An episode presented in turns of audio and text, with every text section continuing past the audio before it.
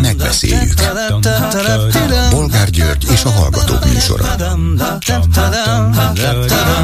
A műsor telefonszámai 061 387 84 52 és 061 387 84 53. Jó napot kívánok a Klubrádió mikrofonjánál, Bolgár György. Mai műsorunkban beszéljük meg, hogy Orbán Viktor reggeli rádió interjújában kérte a magyarokat, fektessék államkötvényekbe a megtakarításaikat. Ekkora volna a baj, itt a béke kölcsön? Ezekben az órákban tárgyalja a parlament a pedagógusok jogainak korlátozásáról szóló törvényt, aminek vitája alatt 5 óra után a Kossuth téren tüntetés is lesz de miért nem készteti meghátrálásra a másfél éve tartó tiltakozás sorozat a kormányt? És miért volt sikeres a román tanárok tiltakozása? Pedig itt még, ez csak egy apróság, az is kiderült például a Telex portálon, hogy egy olyan kvázi ártatlan kérdésre, amit föltettek, hogy mikor és hogyan, milyen keretek között kezdődik a honvédelem tantárgy oktatása az iskolákban ősztől, a minisztérium, illetve az államtitkárság olyan tohuva bohu választ adott, hogy abból igazán nem derül ki a valóság, de ráadásul véletlenül a válaszban elk- elküldték a Telexnek azt a belső levelezést is, amiben a sajtóosztály, meg az államtitkár, meg a helyettese, meg a klik, vagy a tankerület illetékese egymás között tárgyalta meg, hogy mit is nem mondjanak el, vagy hogyan hidalják át a, a válaszban a kényes kérdéseket. Az államtitkártól például szerepel egy olyan mondat is, hogy nagy nehézségben lennétek, ha mindig csak a szintiszta igazat kellene mondani. Szóval lebuktak, mint ahogy lebuktak már ezerszer, és mégsem történik semmi.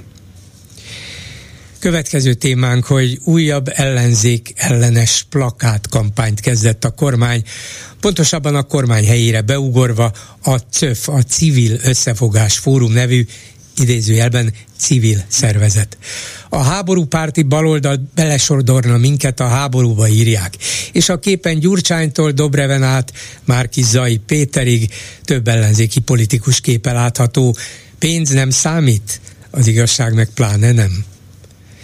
Mit szólnak ezen kívül ahhoz, hogy Hende Csaba volt honvédelmi miniszter szerint nagyjából utolértük az osztrákokat. A képviselő ennek bizonyítására új betonutat mutatott be Facebook oldalán, valahol az osztár, osztrák határ közelében.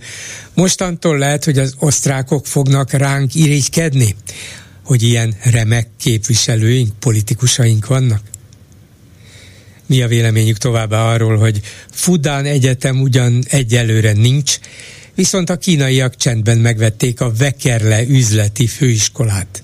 Az oroszok a Spice-ban, a kínaiak az iskolában? Mit gondolnak aztán arról, hogy hatházi Ákos szerint nagyjából elkészült Orbán Viktor apjának 60 pusztai majorsága. Már csak a mesterséges tavakat kell feltölteni.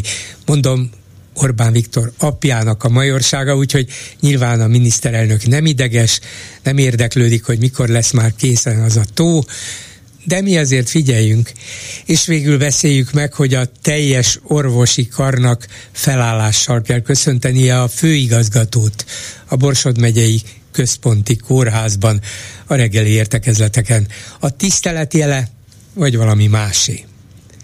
Telefonszámaink még egyszer 387 84 52 és 387 84 53.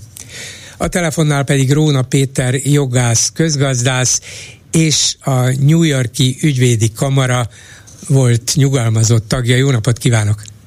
Jó napot kívánok! Ez utóbbi csak azért mondom, én nem is tudtam, csak ön ö, hozta tudomásomra, de azt tudom persze régóta, hogy jogász, hogy valamennyit szeretnék önnel beszélni Trump, eh, a Trump ellen emelt vádakról, 37 vádpontról, szigorúan titkos, bizalmas iratok eltulajdonításáról, vissza nem szolgáltatásáról, és hogy ennek milyen következményei lesznek az amerikai, de akár a világpolitikára is. De aztán kitérnék mindarra, amit például a bevezetőmben is említettem, hogy Orbán Viktor már közvetlenül fordul a néphez, hogy fektessék a pénzüket állampapírba, vagy békekölcsönbe. Szóval kezdjük Amerikával, távolról közeledjünk hazánk felé. Jó, szóval ön szerint ez a Trumpi vádemelés, vagy Trump elleni vádemelés, ő minden vádpontot tagad, mennyiben hoz változást az amerikai és a világpolitikában?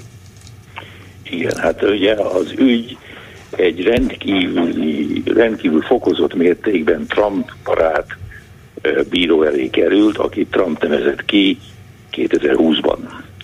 Ez egy fiatal bírónő, nagyon kevés gyakorlata, tapasztalata van, bűnügyi ügyeket alig tárgyalt pályafutása során, de számos korábbi döntést hozott Trump javára, amely döntéseket a felleviteli bíróság nagyon konzervatív, az ország egyik legkonzervatív bírósága keményen felülvizsgált és elutasított, és helyreutasította ezt a fiatal bírónőt. Ennek ellenére minden valószínűség szerint ő Trumpot fogja pártolni ebben a perben. Na most a Trump stratégiája az, hogy megpróbálja a pert húzni, lehetőleg a legkésőbbi időpontra halasztani a döntést, és a legkésőbbi időpont az ő számításuk szerint és vágyaik szerint a következő választások utánra esne. Tehát ők azt szeretnék, hogyha el tudnák húzni a pert 24 november utánig. És annak ellenére, hogy Trump ellen ilyen súlyos vádpontokban folyna az eljárás, illetve a tárgyalás, ő nyugodtan kampányolhat, meg is nyerheti akár az elnökválasztást. Igen, és hogyha megnyeri, akkor ennek a pernek vége. Ugye? Na most erre van lehetőség, nem nem nagyon valószínű, hogy ez sikerülni fog neki, de egyáltalán nem kizárt. Tehát annyira nyilvánvalónak látszanak a bizonyítékok, nem csak az ilyen laikusok számára, mint mi vagyunk, akik az újságokból, mondjuk amerikai újságokból értesülünk róla, hanem ezeket megvizsgálta számtalan jogi szakértő az Egyesült Államokban, volt bírók, volt ügyészek, egyéb mm, politikusok, különböző asszisztensei, segítői és politikusok is, és azt mondják, sőt, Trump volt igazságügyminisztere, illetve főügyésze, aki azt mondta, hogy csak a fele igaz ezeknek, Trumpnak vége. Ez, ez valószínűleg így is van, csak hogy az amerikai jogrendszerben a büntetőper eljárási feltétel, feltételeit teljesíteni kell. Tehát az, hogy teren kívül magánszemélyek az előadottakról milyen véleményt alkotnak, és azt hogyan fejezik ki, annak egy bűnügyi perben Amerikában nincs semmiféle jelentősége. Na most van négy olyan terület, ahol a Trump védelme komoly halasztásokat tud elérni. Az első ilyen ugye az, hát kezdjük azzal, hogy a Trump védőügyvédeinek mindegyikének nemzetbiztonsági átvilágítást kell biztosítani. Tehát be kell szerezniük a nemzetbiztonsági átvilágítást, különben ezek, ezekhez a e, titkosított iratokhoz nem nyúlhatnak, nem férhetnek hozzá. Így aztán nem is védhetnék Trumpot, és hiszen nem tudják, nem miről van szó. Igen. Igen. Tehát, tehát uh-huh. nekik most, ugye éppen ma, e hét keddén adott a bírónő egy nagyon rövid határidőt, meglepetően, meglepetően rövid, rövid határidőt, jövő hét csütörtökig az ügyvédeknek folyamodni kell a biztonsági uh-huh. átvilágításért. Ez egy, egy, hossz, ez egy komplikált folyamat, több, száz, több mint 160 oldalas kérdőket kell kitölteniük, dokumentumokat kell adniuk, stb. Tehát ez egy rövid határidő, ez jó. Tehát ez az első, hogy nekik a biztonsági átvilágítást be kell szerezniük, ez a legkisebb akadály. Ugyanakkor viszont ugyan a következő akadály, ami már sokkal komolyabb, nevezetesen az a kérdés, hogy a, a, a titkosított iratok közül melyeket kell nyilvánosságra hozni.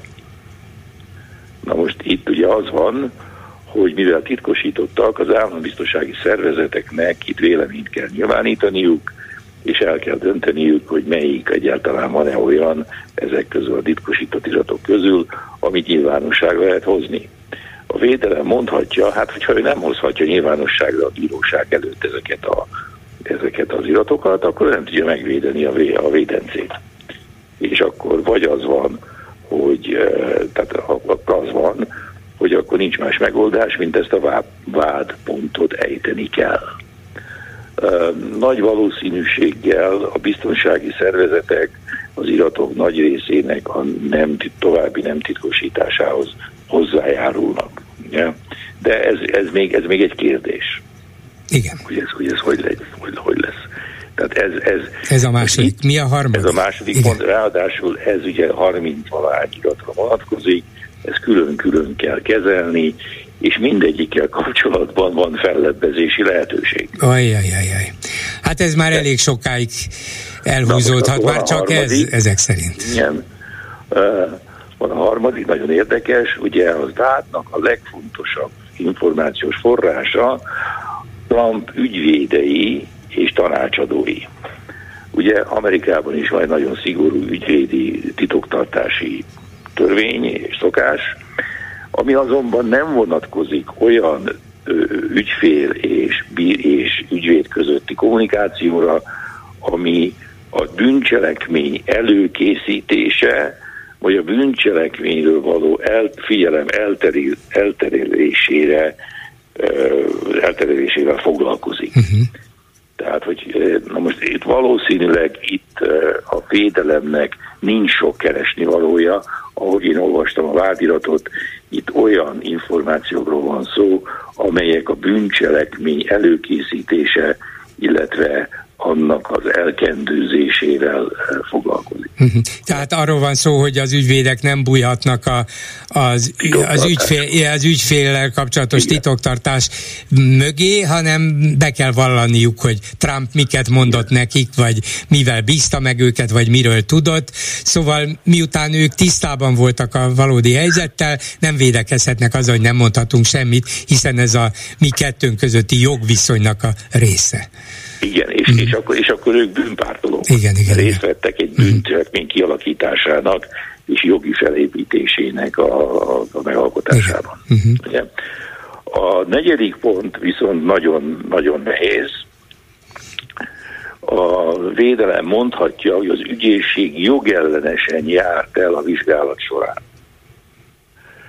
Na most ez egy, ez egy nagyon komoly tétel, mert ennek kapcsán a védelem eh, ragaszkodhat ahhoz, hogy a, az eljárás során minden iratot, minden meghallgatást, kihallgatást, már minden, minden ezért ő áttekinthessen és kereshesse, hogy hol volt uh, jogellenes eljárás. Ez egy hatalmas ugye, anyag. Hatalmas anyag, vagyis elhúzódhat csak ez hónapokig, ez ugye? Csak ezért elhúzódhat, igen, igen.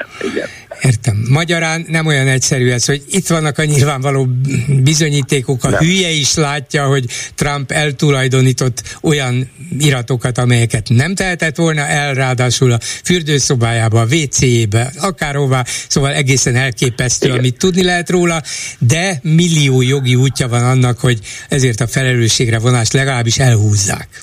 Igen. Na most ennek a, ugye a fonák a másik oldala pedig az, hogy ahogy ezt a meccset így fogják játszani a Trump, Trumpék, a, az amerikai közvélemény valósz, nagy valószínűsége elveszíti a türelmét velük. Uh-huh. Tehát, tehát lehet, hogy kihúzza a pert november utánig, közben elveszíti a választást.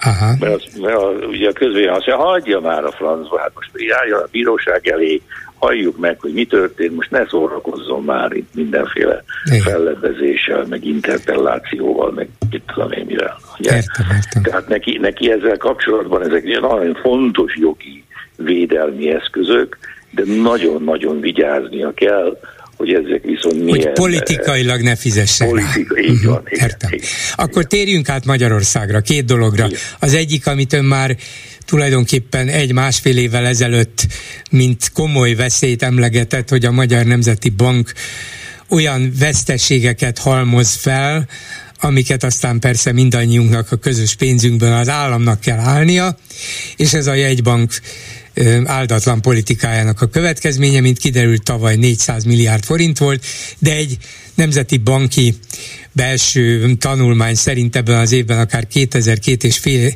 2500 milliárd forint is lehet kimondani is sok. És ez mind tulajdonképpen az állam adóssága, ez a mi pénzünk, ami, ami nincs, és amit az államnak előbb-utóbb meg kell, meg kell fizetnie, szóval ki kell fizetni ezt az adósságot a Nemzeti Bank helyett. Miért veszélyes ez? És akkor a végén majd rákérdezek arra, amit Orbán Viktor ma reggel mondott, hogy emberek, vegyetek államkötvényt, mert ez meg egy kétségbe bár nem annak hangzott, de egy kétségbe segélykérésnek is beillik, hogy vegyetek államkötvényt, mert különben nem tudom finanszírozni az államot. Szóval Nemzeti Bank finanszírozása. Igen. Ugye a tavaly decemberben a kormány megváltoztatta a jegybank törvényt, a jegybank veszteségeit száz százalékig a veszteség nyilvánosságra hozatala után, tehát az éves hivatalos auditált jelentés publikálása után 8 napon belül pótolni kell, kellett a korábbi jegybank törvényben, amely feltételrendszer megfelelt az Európai Központi Bank által előírt feltételeknek. Tavaly decemberben a kormány ezt megváltoztatta, és olyan törvénymódosítás hozott, miszerint a Nemzeti Bank veszteségét 5 éven belül legfeljebb 5 egy, egy, egy forma mértékű mértékben kell pótolni. Ugye? Tehát van 5 éve rá, és minden évben mindössze egy ötödét, a veszteség egy ötödét kellene neki befizetni. Most már ez se fog segíteni a Nemzeti Bankon nagyon sokat, mert az év végére az említett veszteség mentén a Nemzeti Banknak nem lesz tőkéje. És akkor mi van? Hát bezárni nem lehet? hát bezárni nem lehet, de a, melyik az a piaci szereplő, amelyik hajlandó üzletelni egy tőke nélküli intézettel? Akkor mit csinálhat a kormány? Ezt a tőkét odaadja a, a nemzeti banknak, hogy hát mégsem lehetsz itt tőke nélkül, és ahhoz, hogy hiteles szereplő legyél, az állam ad neked, illetve hát a kormány van, döntése tehát, alapján tehát nem tudja, feltőkésítünk titeket? Igen, tehát az, így van, pontosan. Tehát azt nem tudja megengedni magát most már, hogy a törvényre, az törvény módosításra hivatkozva a veszteségnek mindössze az egyötödét pótolja, ja? mert a tőke hiány ennél nagyobb lesz. Na most mivel a tőke hiány ennél nagyobb lesz, nagyobb összeget kell pótolni, és ahhoz, hogy nagyobb összeget pótoljon, neki pénzre van szüksége. Aha, és akkor például itt jön be többek között az is, hogy Pontosan. magyarok, vegyetek állampapírt, mert különben Igen. kifogyunk a pénzből? Igen. Igen. És ugye most volt egy kötvénykibocsátás, 30 éves, 10 éves kötvénykibocsátás, 1200 milliárd forint értékben, ami még mindig nem elég a veszteség pótlására. Nem beszélve a költségvetés egy, egyéb hiányos, hiányaira. Ezek szerint akkor még lesznek kötvénykibocsátások, és lesz még nyilván kampány is, hogy, hogy az emberek minél többet vegyenek, de vajon hát nem vált ki... Uh-huh. Lesznek megszorítások. Igen. Lesz kötvénykibocsátás, ha tudnak kibocsátani további kötvényeket. Ez kérdés, nem biztos és három, lesz egy nagyon komoly kampány, hogy emberek, vegyetek állampapírokat. Aha. Uh, mennyi kell még ahhoz, hogy a Nemzeti Bank állva maradjon? Hát, na most ugye itt van egy, egy, egy mellékkérdés, amit én nem tudom pontosan megválaszolni. Hozzájárult az Európai Jegybank ehhez a törvénymódosításhoz a most valahova, nem. igen, bár elment a hangja egy pillanatra, de azért érdem a, a magának feltett kérdést, hozzájárult-e az Európai Központi Bank ehhez a magyar törvénymódosításhoz, mert ha nem, akkor még nagyobb baj van, ugye? Akkor még nagyobb összeget kell azonnal a Nemzeti Bank rendelkezésre bocsátani a kormánynak is. Olyan, olyan pénz a, nemze, a kormány számára nem nincs, egyszerűen nem, nem áll a rendelkezésére. Ugye? Na most mindeközben ugye most megszavazzák ezt a státusztörvényt, úgy, úgynevezett státusztörvényt, ugye, és, és minden fronton tovább feszítik a húrt a, az Európai Bizottsággal. Tehát ugye a, ezt megszavazzák, továbbá most volt egy adómódosítás, hogy nem vezetik ki a, az extra profit adókat, annak ellenére, hogy volt egy ilyen elkötelezettség, amit vállaltak az Európai Unióval a korábbi tárgyalások mentén. Ugye? Tehát, és most, most nem fogják kivezetni, a, a, az lett volna a kötelességük, hogy a 24-es költségvetésben már kivezessék a, a különadókat. Hát ez nem, nem fog megtörténni a most benyújtott költségvetés alapján. Ezt az Európai Unió valószínűleg nem fogja elfogadni számos okból. Úgyhogy nagyon-nagyon feszül a húr. Én ugye továbbra is azon az állásponton vagyok, amit korábban kifejtettem, nevezetesen, hogy az Orbán kormány eltökélt szándék a Magyarországot kivezetni az Európai Unióból, és ennek a célnak az eléréséhez mindent megtesz ahhoz, hogy konfliktus generáljon az Európai Unióval. Nem teljesíti a szabályokat, nem teljesíti a feltételeket, és a saját szavát sem tartja be. Miközben egyre súlyosabb helyzetbe kerül az ország, és akkor már az egyetlen kiút ebből a helyzetből az, hogy kilépünk az Európai Unióról, Unióból, és a kínaiakra, illetve az oroszokra bízzuk a jövőnket. Köszönöm szépen Róna Péter jogász közgazdásznak, az Oxfordi Egyetemen a Blackfriars School tanárának. Viszont hallásra minden jót! Viszont hallásra minden jót! Egy hallgató a vonalban, jó napot kívánok! Igen, jó napot kívánok, üdvözlöm Bolgár úr, ha minden igaz, akkor én vagyok vonalban, Igen. ugye? Igen.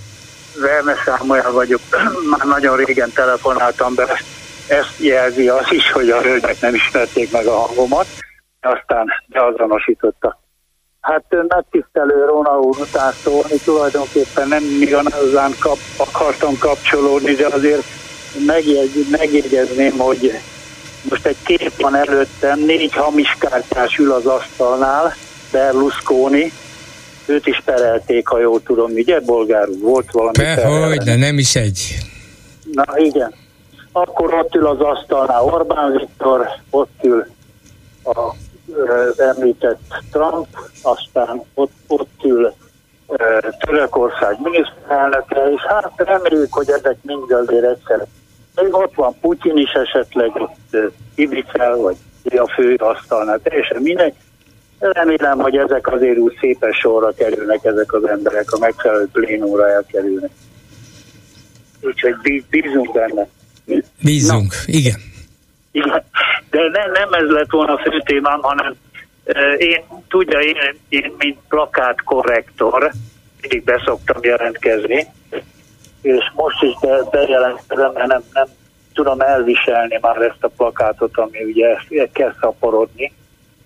Tehát itt, itt itt biztos, hogy akcióba fogok lépni egy-két napon belül, és hát javaslom, hogy már is esetleg, ha kedvet kap. Nekem, nekem az az elképzelésem, hogy háború pártiak a NER ellen összefogásban, vagy együttműködésben. Tehát így kéne valahogy megfordítani ezt a, ezt a plakátot. Uh-huh. Szerintem. Hát ez, val- valami igen? frappáns dolgot kellene kitalálnia, hogy egyszerű legyen, ne kelljen sokat babrálni vele. Igen. És ütős legyen. Mert ez a mostani igen. tényleg disznóság, csak ha sok a dolog vele, akkor még a rendőrök is le fogják fülelni. Hát figyelni, de egy, egy A4-es lapra kell ráírni, ja, értem, amit én értem, javaslok. Igen. Érti? A4-es lapra, feketével, akármivel, és leragasztani azt a kiegészítő szöveget, ami ugye a bal oldal akármi, akármi, azt én nem tudom pontosan, hogy mi, mi a szöveg, Tehát az együttműködés is, és pontosan egy együttműködésre kell igen ezzel sarkalni az ellenzéket. Ezeket az urakat és a, a kedves Dobrev Kárát, hogy van erre ellen lépjenek fel együttműködésben. Tehát ez legyen a harc, a háború. Értem. Jó, érdemes gondolkozni, érdemes gondolkozni ezen a hogyan hekkeljük meg a plakátokat dolgon. Nem lesz könnyű, mert hatalmas vörös betűkkel lehet olvasni, hogy háborúpártiak, és ott vannak a fényképek Gyurcsánytól Karácsonyig, és így tovább. Szóval ehhez képest az A4-es lap nem biztos, hogy igazán figyelemelterelő, vagy éppen az üzenetet megváltoztató lesz, de érdemes gondolkodni valamin, mert a pofátlanságnak valóban nincs határa. Egymás után jelennek meg hirdetőoszlopokon. Nyilván meg fog ez jelenni mindenhol, különböző újságok, portálok felületén, szóval szégyen és gyalázat. Mindezt egy állítólagos civil szervezet nevében, amely civil szervezet különböző állami szervezetektől, vállalatoktól kapja a pénzt. Na, mindegy ehhez is hozzászoktunk már. Köszönöm szépen viszont hallásra, és a vonalban itt van Hiller István országgyűlési képviselő. Jó napot kívánok! Jó napot kívánok! Egy pillanat türelmet szeretnék kérni, mert a plenáris ülésen vagyok az országgyűlésben. Kijövök, hogy tudjunk beszélni, mert a jelen pillanatban is folyik a státusztörvény vitája. Körülbelül egy órával ezelőtt kezdődött el és uh, szerintem még hosszú órákon keresztül fog tartani. És ön, mint az MSZP képviselője már kapott szót, vagy csak fog? Nem, én fogok szót kapni, és az MSZP nevében el fogom mondani a véleményemet, de erre még nem került sor. Most éppen Momentumos társam Tóth Endre képviselő úr beszél. Hallottam a híreinkben egy hangos idézetet Szabó Tímeától, a párbeszéd képviselőjétől, hogy ez a szégyen napja. Így is lehet mondani, úgy is lehet mondani, hogy fekete nap ez, de ön hogy jellemezné? Milyen nap ez, hogy tényleg bemerték nyújtani ezt, ezt a pedagógusok jogait nagyon sok szempontból korlátozó törvényt, és úgy próbálják eladni, mint ami tágra nyitja a kapukat, boldogságot, felvirágzást, jólétet fog hozni mindenkinek. Ez egy rosszul sikerült beismerő vallomás, szerkesztő úr. Nem tudom, hogy a címét, a törvénynek, a pontos címét vajon mennyien ismerik, hiszen valóban sokan státusz törvényként emlegetjük, de a hivatalos címe a pedagógusok új életpálya modelljéről ez a cím. Föl kell vetni a kérdést, hogyha minden olyan rendben van, körülbelül egy fél órával ezelőtt hallottam a kormánypárt képviselőinek véleményét, a magyar oktatás így nem, hogy rendben van, hanem csillog-villog. Vajon miért van szükség akkor egy új életpályamodellre, hiszen emlékezhetünk, durván egy évtizeddel ezelőtt meghirdették már az életpályamodellt. A megfejtés nem túl bonyolult. Minden tekintetben megbukott megbukott szakmai értelemben, mert a magyar közoktatás színvonala csökken. Megbukott finanszírozási értelemben, mert a kormánypártok a saját ígéretüket nem tudták betartani, megszekték, emiatt van az, hogy a pedagógusok joggal követelik a nem is ő általuk kikényszerített, hanem a kormány által megígért, másfél éven keresztül a bevezetése után után föntartott, majd abba hagyott modell. Ez megbukott. Na most tíz éven keresztül minden nagyon-nagyon rendben volt, majd most benyújtják az új életpálya modellről szóló törvényt.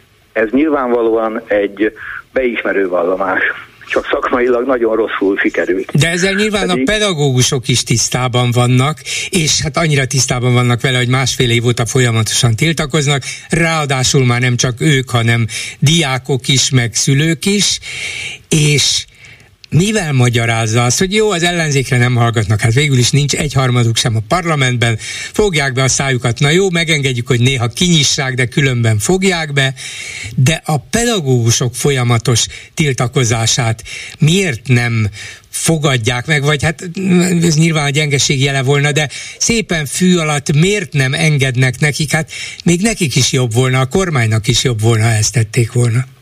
Hát mert hogyha sokáig tiltakoznak, akkor bicskéig építjük meg. Nyilvánvalóan ez egy jelképes mondat. Ez egy mentalitás, egy politikai felfogás. Az a politikai felfogás, amit én és a társaim se most, se ezután nem fogunk képviselni, de látom, hogy ez él. Következésképpen nem szakmai vita az, amit ennek a törvénynek az előkészítéseként folytattak, hanem egy olyan előre elhatározott szövegnek az elfogadása, diktátum, amelybe valóban olyan lényegtelen részekbe, amelyek az egész koncepciót nem változtatták meg, látszólag engednek. Én is akkor most, mint hogy egy 20 perccel ezelőtt jelentették be, elmondom, az óriási uh, módosítást, amit formailag a két kormánypárti frakció javasolt, mondom 20 perccel ezelőtt a kormánynak. Ez olyan részről, ami a következő, a tanárok kötelező óraszáma 22 kötőjel 26 legyen, áll a törvényjavaslatba. Az átütő módosító javaslat pedig azt mondja, amit a kormánypártok javasolnak, hogy 24 legyen tessék elképzelni azokat a szellemóriásokat, akik hát képesek voltak megalkotni ezt a gondolatot. Tehát a törvényben magában a 22-től 26-ig terjedő a számsáv szerepelt, és ezt sikerül most 24-re módosítani. Hát körülbelül ez az a, ez az a um, táv, amin a változtatások folynak. Tehát eddig, eddig hajlandók visszalépni a hatalmas Képzelje. nyomás, mint hogyha ez volna csak a kérdés, ez is kérdés a sok között, de nyilvánvalóan, nyilvánvalóan ez egy szépségtapasz az egészen. Igen, de hogyha már az oktatás jövőjéről a Magyarországgyűlés és a közvélemény is ezen szégyenletes státusztörvény miatt is beszél, megjegyzem leginkább azért, hogy a gyermekeink és az unokáink milyen képzést kapnak. Azért csak föl kell vetni néhány gondolatot, erről az elkövetkező órák valamelyikén én is szólni fogok itt az országgyűlésbe. Kérem, nem kéne arról beszélgetünk, hogy valóban milyen lesz az oktatás, ezen belül a magyar oktatás jövője? Hogy hogyan kapcsolódik egymáshoz a mesterséges intelligencia és az oktatás ügye? Hogy nem azról kellene beszélni, hogy egy nemzeti alaptanterv hogy néz szembe azzal a kérdéssel, amikor uh, informatikai újítások és számítógép uh, rengetegek néhány pillanat alatt írnak meg egy szakdolgozatot, amire hagyományosan fél évet ad az oktatás. Nem kellene arról beszélni, hogy az Európai Unió tagállamai közül a 26-ak vagyunk azok a, abba a sorba, hogy idegen nyelvtudással hányan és hogyan bírnak. Ezek elementáris kérdések. Nem kellene arról beszélnünk, hogy a legkisebbek, akik a Covid időszakban nem tanultak meg rendesen írni, olvasni és számolni. Néhány nappal ezelőtt jelent meg az első valóban tudományos igényű felmérésnek az értékelése. Lényeges és maradandó károsodás a alapkés írás, olvasás, számolás dolgába azoknál, akik a Covid időszakban voltak 6-7-8 évesek. Taníthatjuk majd őket 15 évesen biológiára, történelemre, meg földrajzra, ha nem tudnak rendesen írni, olvasni, számolni.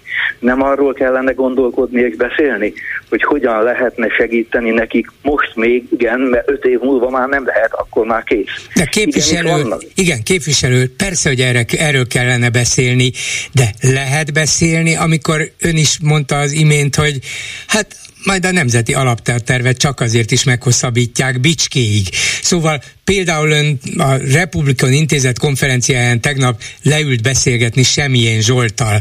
Elvileg azt lehet mondani, hogy lám, lehet beszélni, van esetleg olyan kivételes fórum alkalom, amikor lehet beszélni, de úgy általában a közéletben lehet velük beszélni? Hagyják? De természetesen értem a kérdést, hiszen egy normális demokráciában vélemény a véleménnyel ütközik, többségben levő hajlik arra egy normális felfogás szerint, hogy nem biztos, hogy minden eszembe jutott. Esetleg nincs is igazam, nézzük meg, hogy a másik mit mond. Megjegyzem, a demokratikus felfogásnak ez a leglényege, de én se vagyok naív, de ettől még az a mandátum, amit kaptam, és az a lelkiismeret szakmai értelemben, meg politikai értelemben, ami miatt én, én vagyok, az nem engedi, hogy én hallgassak. És hogyha itt elmondom a véleményemet az országgyűlésbe, vagy éppenséggel emberek előtt egy téren, vagy hogyha nyilvánosságnak adnak helyet és lehetőséget, mint ahogy ön most nekem, akkor én kötelességemnek érzem, hogy azokat a gondolatokat, azt a tapasztalatot, vagy azt a képet, ami az én fejemben a jövő oktatásáról él, azt emberekkel, a társaimmal, vagy éppen ismeretlen hallgatókkal megosztam. Nem vagyok hajlandó beállni abba, hogy ők kijelölik nekem a pályát, mondjuk azt mondják, hogy menjek el kosárlabdázni, én meg mint egy férhülye elkezdek edzeni a kosárlabdával. Én ezt nem vagyok hajlandó csinálni, saját gondolatok, saját állítások, saját kép, értem, amit kérdez, de akkor is a véleményemet, az elképzelésemet, a lelkiismeretem és a tapasztalatom szerint akarom hangoztatni. Ezt jól is teszi, ezért is kérdezzük, de azért azzal is legyünk tisztában, hogy ha ezt a törvényt elfogadja a Fideszes többség, és miért nem fogadná el, hát eddig még mindent, amit akartak, el, tudnak, el tudtak fogadni, most is el fogják tudni. Akkor ez megváltoztathatatlan lesz mindaddig, amíg a Fideszes jelenlegi kétharmad, és majdani nem tudjuk mekkora többség ez, ezt meg nem akarja változtatni? Hát ezt valaha, ha egy ellenzéki kormányzat hatalomra jutna, meg tudja változtatni? Igen, ez értelemszerűen egy nagyon hosszú beszélgetés, meg egy politikai változás eredménye kell, hogy létrejöjjön. Nem hiszem, hogy ennek a beszélgetésnek a keretei ezt megengedik. De amennyiben az ön kérdésében levő állítást értelmezzük, akkor ez azt jelenti, hogy van-e, lesz-e a magyar ellenzéknek, de nem akarok az egész ellenzék nevében beszélni, nekünk, nekem, véleményem arról, pontos elképzelésem, hogy egyébként ez hogy legyen. Igen. De erről nem csak akkor kell beszélni, hanem hogy megismerjék a gondolat, gondolataimat, egyáltalán a véleményemet, ami egyébként nem statikus. Igenis változik, ahogy változik a világ is. Ezt elmondani, ezt képviselni politikai és szakmai fórumokon szerintem fontos. És én nem teszek le arról, hogy egy nem is azt mondom, hogy nem akarok egy olyan Magyarországon élni, egy olyan országba, egy olyan hangulatba, mint amiről például tegnap ezen a vitán szót is ejtettem, hanem meg akarom fordítani, hogy nem teszek le arról, hogy a véleményem és véleményünk emberekbe megmarad, és úgy gondolják, hogy ez vagy ez az az irány, amit magadni érdemes a népszava fotóján Semjén Zsolt olyan jóindulatú, barátságos mosolyjal néz önre, a képen mikrofonnal a kezében beszél. De el tudjuk képzelni, hogy ez valódi, valóságos, van mögötte tartalom, vagy lehet-e olyan történelmi pillanat, amikor ez igazi lesz, nem csak egy álca? Kérem szépen, tudja nekem mi a fontos? Hogy kellemes és mondjuk barátinál több mosolyjal a feleségem forduljon hozzám, hozzám. Aztán, hogy ezt egy politikai vitába, egy kormánypárti, nyilván én nem néztem az arcát, a fotót azt hiszem, hogy láttam, de különösebb jelentőséget nem tulajdonított neki. Tehát az én szívem közepén a feleségem van, a többiek a környékén. Köszönöm szépen Hiller István MSZP-s országgyűlési képviselőnek, viszont hallásra. Köszönöm szépen a lehetőséget, megyek vissza az ülésre. Jó munkát! Háló, jó napot kívánok! Jó napot kívánok, Szalai Erika vagyok, beszéltünk a múlt héten uh, pedagógus ügyben, nem tudom, emlékszik rá? Igen, igen, parancsoljon. Igen, no, én, nekem csak annyi hozzászólni való volna, így a hírek előtt, hogy uh, szerintem nem véletlen, hogy a tanévzáró vagy az utolsó tanítási nap idejére uh, időzítették ennek a törvénynek a tárgyalását.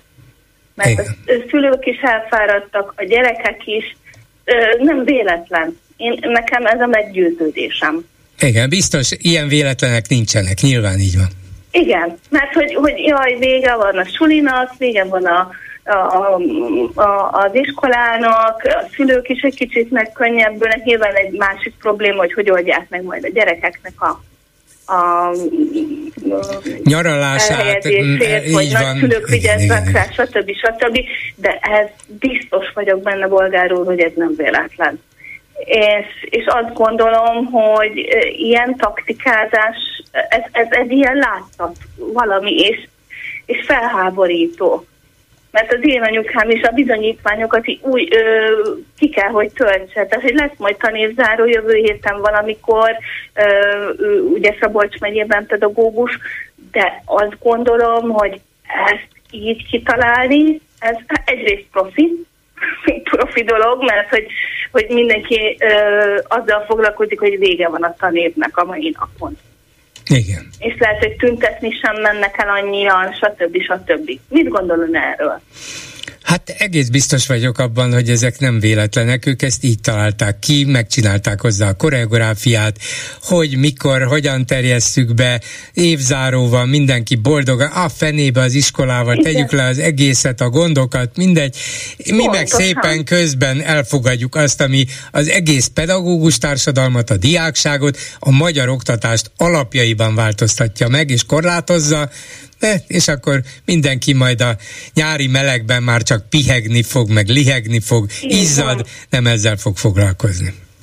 Pontosan, és a pedagógusok szintén ilyen állapotban, nem csak a diákok, a pedagógusok is alig várják, hogy leteljen még az a plusz két hét, amíg be kell járni dolgozni, takarítani, meg egyebek, mert azt csinálják egyébként. Már nem tudom, hogy ez általános dolog-e, de de, de ők takarítják ki a tantermeket, egyebek. De hát nyilván és... eleve is rendet kell csinálni, ugye lezárult az év, minden értelemben valahogy fájrontot kell csinálni, és hogy a konkrét takarítás is rájuk marad, de ez biztos intézménytől függ, van, ahol talán igen, igen de úgy általában le kell zárni, és akkor valamilyen rendet kell tenni, ez munka.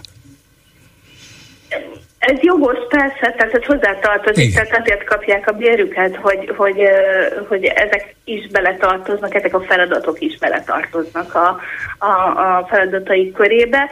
Viszont azt gondolom, hogy, hogy úgy lezárni egy évet, ahogy most van, vagy tanévet, az nem normális dolog. De mm, azt hiszem, hogy, hogy most mindenki megkönnyebbül, és nekem tényleg csak az az aggodalmam, hogy most a nyári szünet miatt ö, alá fog hagyni a tiltakozásoknak a mértéke, a figyelemfelkeltésnek a mértéke, tehát Hiller úrt is hallottam, hogy, hogy miket mondott, Szerintem szeptemberig nem lesz ebből. Igen, és szeptemberben már, a, szeptemberben már a kézbe, az elfogadódba kell, hogy bemenjenek, vagy Igen. elfogadják, vagy nem. Sok, sok mozgásterük már nem lesz. Így van. Hát szomorú, igen. Köszönöm szépen. Viszont hallásra. Én is köszönöm. Jó hétvégét kívánok. Önnek is. Viszont hallásra. Háló, jó napot kívánok. Jó napot kívánok, Gergely vagyok Budapestről. Parancsoljon. És egy kicsit élesebben szeretnék fogalmazni, mivel van egy-két dolog, ami nagyon fölbosszantott. A Volgár Gyuri műsorának régi hallgatója vagyok, több mint 20 éve hallgatom, de olyan üzenetek hangzanak el a, a, a műsorba is nap mint nap, ami eléggé bosszantó. Na. Mondja. Tehát az egyik dolog az, hogy a három millió fideszes szavazó, tehát egyszer volt, hol nem volt, azokat se lehet fideszes szavazónak nevezni, akiknek valahogy rákerült a, az aláírásuk, vagy a, az x az aláírási évekre.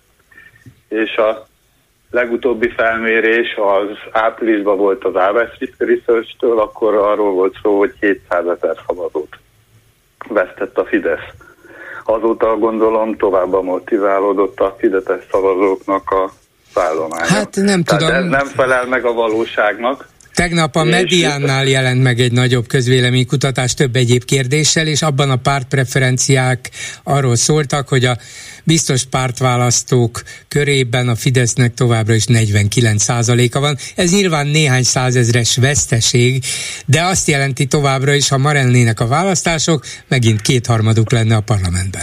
De nem az a kérdés, bolgár úr, hanem az a kérdés, hogy olyan információ hangzik el ebben a műsorban folyamatosan, hogy három millió szavazója van a Fidesznek, amikor nincs három millió hát szavazója. Én, én nem Tehát szoktam itt a biztos használni. szavazók Igen. száma, a biztos, ha itt maradunk ennél, tehát a biztos Igen. szavazóknak a, a száma lehet két millió, abból mondjuk 50 százalék rászavazik, akkor egy millió szavazója van. Nem, nem, nem, nem, nem, nem.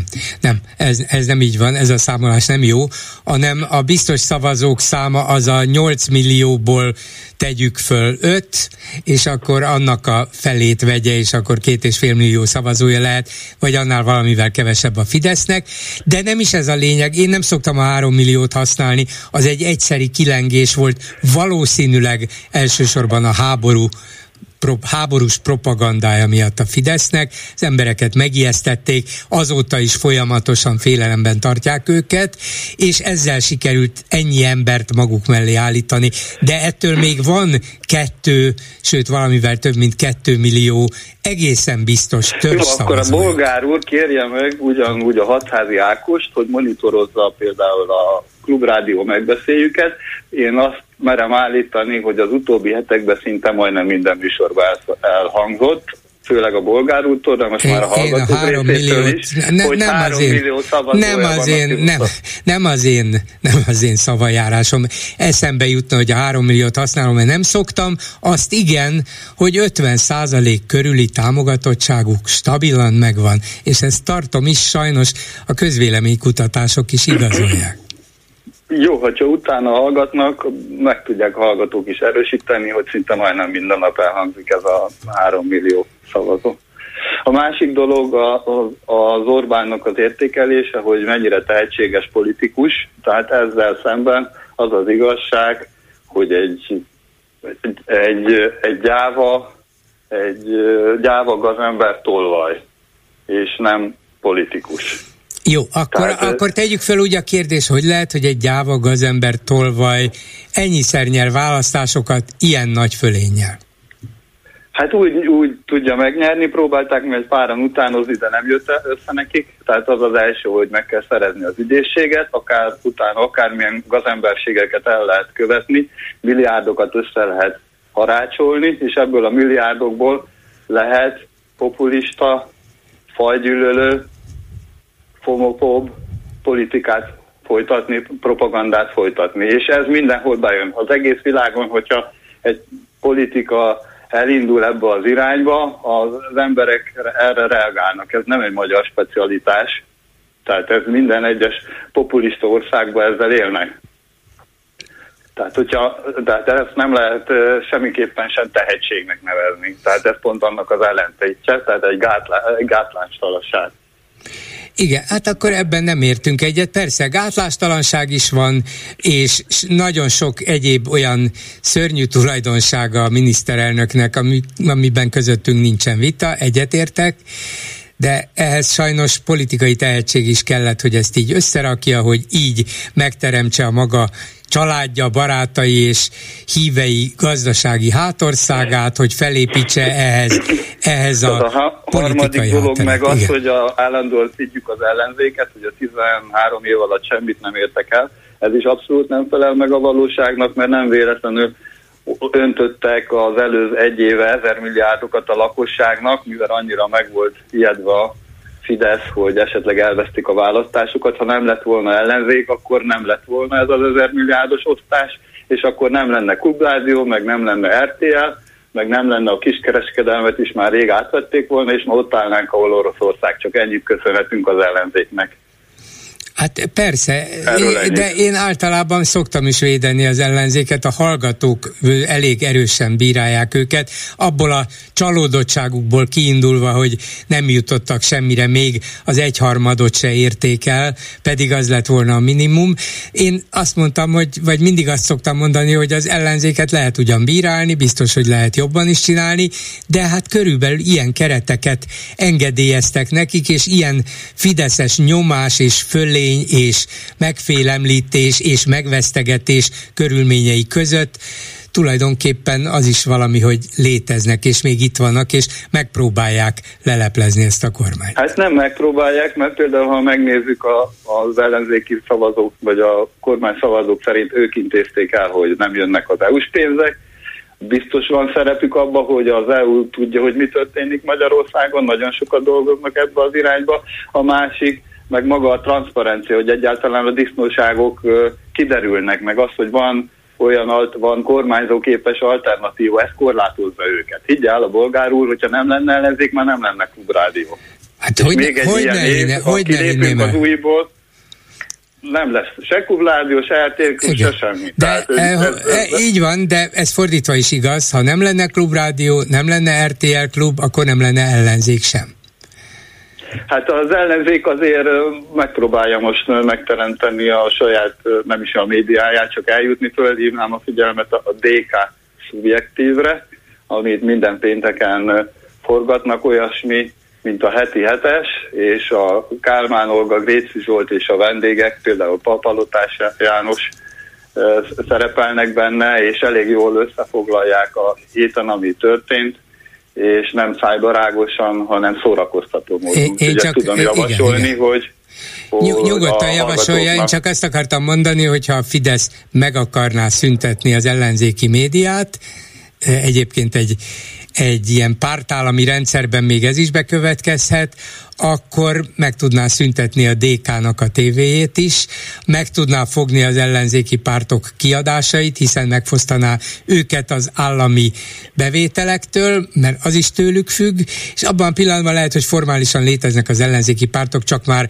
semmilyen szavuk nem jutna el sehova. Úgyhogy ez még a Fidesz bizonyos mértékben nem mondom, hogy jó indulatából, a Fidesz úgy, ér, úgy értékeli a helyzetet, hogy meghagyja a, a demokratikus intézmények egy részét valamennyire korlátok között működni, benne bizonyos sajtóval, meg ellenzéki pártokkal. De nem is tartja olyan veszélyesnek őket, mert az ellenzék üzenetei abszolút nem jönnek át, tehát az jön át, a végignézi, most nem akarom felolvasni az, az összeset, a, ilyen médiumot szinte nem foglalkoznak az ellenzékkel, szinte semmit kivéve a botrányokat generálják, tehát nem sokkal jobbak mint a, akár a kormánypárti. Tehát most a klubrádiót bíráltam, de messze még a klubrádió a leghitelesebb, meg ahol még azért megszólalnak politikusok, de az megint minden más, mint amit 30-szor ismétlünk egy nap, mint az, hogy egyszer, mit tudom én, csinálunk egy riportot egy ellenzéki politikussal. Tehát sokkal kevésbé jön át hát, az embereknek. Igen, be vagyunk szorítva, ez igaz. Köszönöm szépen a kritikáját is. Köszönöm. Minden jót, viszont hallásra. A hírek után is lesz mit megbeszélni. Mai műsorunkban beszéljük meg, hogy Orbán Viktor reggeli rádió interjújában kérte a magyarokat, fektessék államkötvényekbe a megtakarításaikat. Ekkora volna a baj, itt a béke kölcsön? Ezekben az órákban tárgyalja a parlament a pedagógusok jogainak korlátozásáról szóló törvényt, aminek vitája alatt 5 óra után a Kossuth téren tüntetés is lesz.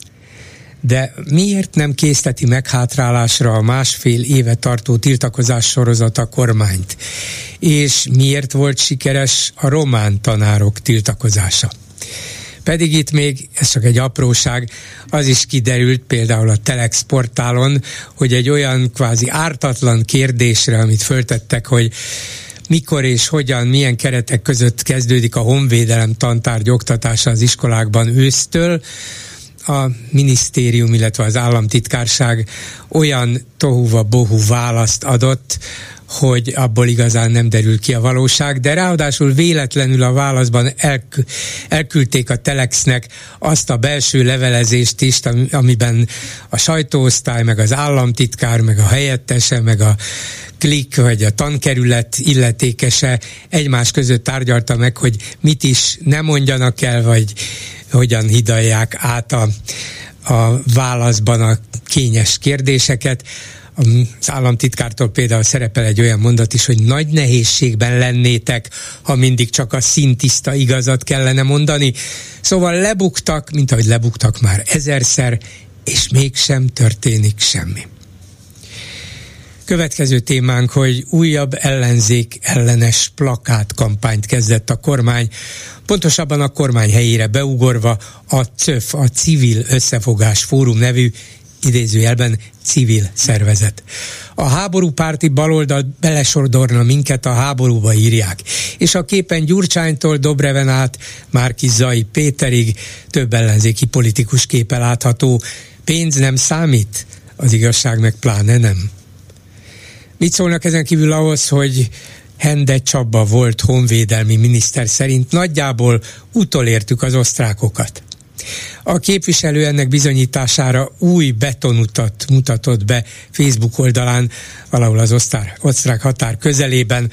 Mostantól lehet, hogy az osztrákok fognak ránk irigykedni, hogy ilyen remek képviselőink, politikusaink vannak?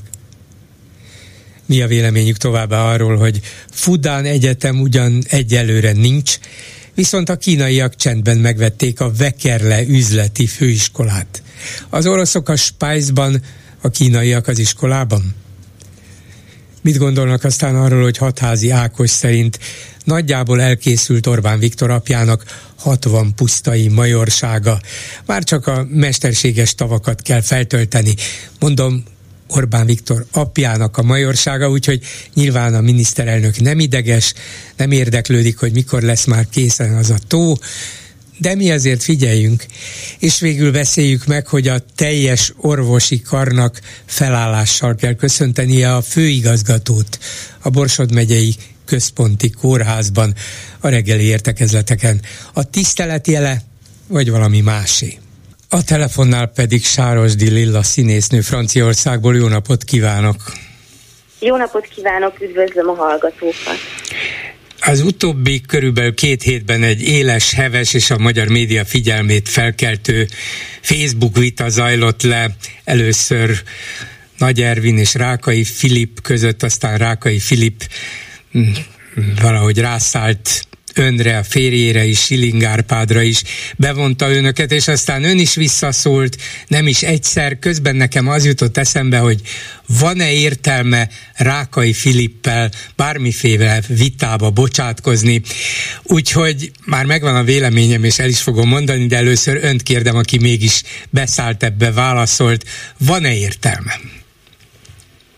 Én nem vitának nevezném ezt a részemről. Egyrészt engem nagyon későn kaptam meg ezt a hírt, mert egyáltalán nem követtem a történéseket, csak valamelyik barátom jelezte felháborodva, és én meg nevettem ezen az egészen, és nem is érdekelt volna tovább a dolog, de hát mint színész, ugye hát ezek azért magas labdák, tehát én nem vitaként, hanem önjogom, mint, mint egy művész, aki, akinek megvan erről a gondolata, másrészt meg én nagyon szórakoztatónak találom ezeket a, hát a magam számára is felszabadító egy-egy ilyen videó, és ahogy sokan visszajelzik, sok ember számára az. Én ezt nem egy vitának gondolom, mert engem nem érdekelt, és én nem vitatkozom a Rátkai, vagy hogy hívják? Rátkai, Rá, bocsánat. Rákai. Rákai. Rákai. Rákai. Bocsánat, nem, ez nem Rákai Filippel, hanem önjogon, mint egy szabad művész kifejezem magamat. Tehát, és mivel a, az ostobaság mindig egy nagyon jó, hogy mondjam, nagyon megihleti a művész embert, ezért mi nagyon jókat szórakozunk, amikor ezeket megcsináljuk. És mivel mások is ez engem megnyugtat. És azt hozzá kell tennem, hogy igazából öm, az vitt rá, hogy ezzel foglalkozzak, hogy, hogy ö, ennyire sok ember felháborodott, ami nekem nagyon-nagyon nagyon meghatott, és, és végtelenül jól esett ez a fajta kiállás, hogy ennyien írtak, hogy meg is szólaltak, tehát ez azért ez valahogy ez vitt inkább ebbe bele, nem pedig az, hogy ő mit gondol, mert soha nem olvasom, hogy tehát, hogy nem, tehát, hogy nem vagyok ebben. Nem érdekli önt a véleménye. Az ugye Rákai Filip, ha valaki nem tudná, beszólt önnek is, meg a férjének is, hogy árufeltöltők Franciaországban. Ha most, ha véletlenül igaza lett volna, akkor is ez nem az önök szégyene lenne, hanem az Orbán kormány politikájának a szégyene, amely külföldre kényszerített kiváló magyar művészeket, akiknek itt volna a helyük. De ők ezt nem így élik meg, hanem még, még rágalmaznak is, ocsmány kijelentéseket tesznek, és az ember arra gondolt, hogy tényleg nem érdemes akár szóba állni se velük, de most már értem azt a részét, hogy de miért ne lehetne egy ilyen művészi fricskával elküldeni akár rákait, hát akár a, a többieket. Ugye mégis csak arra lenne való, hogy azért a jelen állapotát a, bárhol, ahol él egy művész, ott a jelen, tehát hogy mondjam, a politika, amivel az életünk része, meg társadalmi kérdéseket feszeget, meg nem tudom, tehát hogy normális esetben azért mégiscsak ö, ö, arra, arra lenne hivatott, vagy arra is, hogy felmutasson, vagy tükröt tartson, vagy véleményt fogalmazzon, de ezt mint szabad, mint állampolgár is megtenném, tehát, de külön az, hogy ez a szakmám, ugye, ez engem inspirált, ez a fajta hülyesség is, tehát mint ahogy az előzőkben is nyilván minden mocsokság is inspiráló sajnos, és hát ami, mivel ennyire, ennyire sűrű és mocskos az, amit, amit ez a kormány és a hozzá és a haveri köre csinál, ezért ugye az ember végül is lehet folyamatosan egy ihletett állapotba, de hát nyilván próbálok nem foglalkozni vele, vagy hogy mondjam, ez most ez pont így jött ki. Na. És hozzáteszem, hogy ez az árufeltöltői, én, én ezzel nem is, tehát még csak nem is esett rosszul, vagy nem sért ez engem, mert én az első évben jelentkeztem mindenféle munkákra, nekem ez nem, inkább az a sértő, hogy nyilvánvalóan, hogy ők ezt gondolják, de nem is feltételeztem, hogy ők más gondolnának egy árufeltöltői munkáról, holott ő nem tudna zabálni nyilvánvalóan, hogyha nem lennének árufeltöltők, de hát ehhez viszont már azért kell egy minimális intelligencia, ami ugye az embereknél erősen hiányzik. Így van. Mennyire követi egyáltalán a hazai közéletet, hát valószínűleg eljutnak azok a hírek önökhöz, hogy a magyar független színházat lényegében el akarja törölni az Orbán kormányzat. Minden esetre nem ad nekik egy fillért se, úgyhogy éljenek meg abból, amiből nem lehet, mert ugye a nézőkből sajnos Magyarországon nem lehet, ehhez állami szerepvállalás is kellene, na ez az, amit elvesznek tőlük. Mennyire jutnak el ezek a tragikus hírek, amelyek amelyek itt most zajlanak valóságban? Hát természetesen eljutnak, és hát az ember ugyanolyan, tehát, tehát rettenetes, tehát ugyanúgy, ahogy a, az SZFE ügyénél ugyanúgy, ahogy, de, de hát sorolni lehetne, hogy ezek a fajta, tehát az, hogy kiírtanak mindenki mást, és eltörlik a, a színről mindazokat, akik nem ők, hát ez, de ez eljut, ez eljut, igen. És mennyire akarja erről a véleményét kifejteni? Vagy azt mondja, hogy de jó, hogy itt vagyok Franciaországban, legalább egy kicsit biztonságos távolságban ettől az egész szörnyűségtől, vagy vagy azt mondja, hogy hát, hát nem, nem tudok ettől függetlenedni, ez végül is mégis csak ott történik, ahol én színész lettem.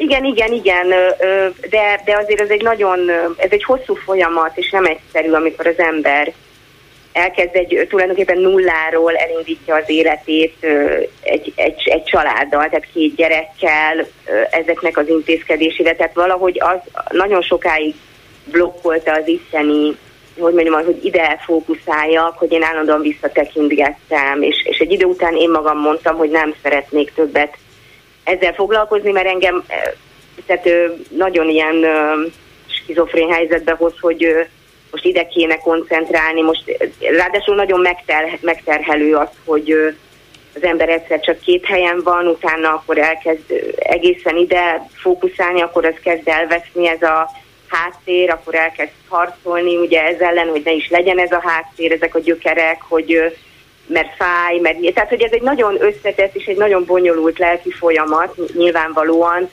és, és hát az, az, a, az a fajta együttérzés az meg viszont marad, és, és borzalmasan borzalmasan fáj, ami azokkal az emberekkel történik, akiknek viszont egyenlő, tehát hogy ott kell élniük, tehát hogy ez természetesen ez egy örök fájdalom, ez nem fog meg nem lesz könnyebb, csak nem figyelek mondjuk rá, vagy, uh-huh. vagy és mit gondol, vagy mit tanácsol, kicsit talán túl erős ez a tanácsol, de mit gondol azokról, akik kalandvágyból itthon maradtak, és, és esetleg már a mindennapi megélhetés is nagy küzdelem a számukra, mert a művészetből, színházból, hasonlóból nem fognak tudni megélni, hiszen az már a Fideszé, hogy küzdjenek, harcoljanak, vagy próbálják meg ugyanúgy, mint önök egy másik országban.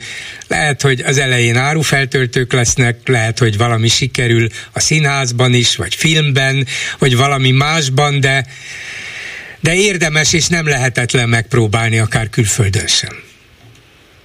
Hát én ebben biztos vagyok, igen, miután átmentem egy ilyen ö, nehéz, én nehéznek mondom ezt a folyamatot. Nyilván ezzel mindenki máshogy lenne, de én olyan lelki alkat vagyok, hogy ez, ez azért, azért ez egy vállalás, egy komoly vállalás, de, de ugyanakkor amit hoz, az is nagyon, nagyon sok, nagyon gazdag, nagyon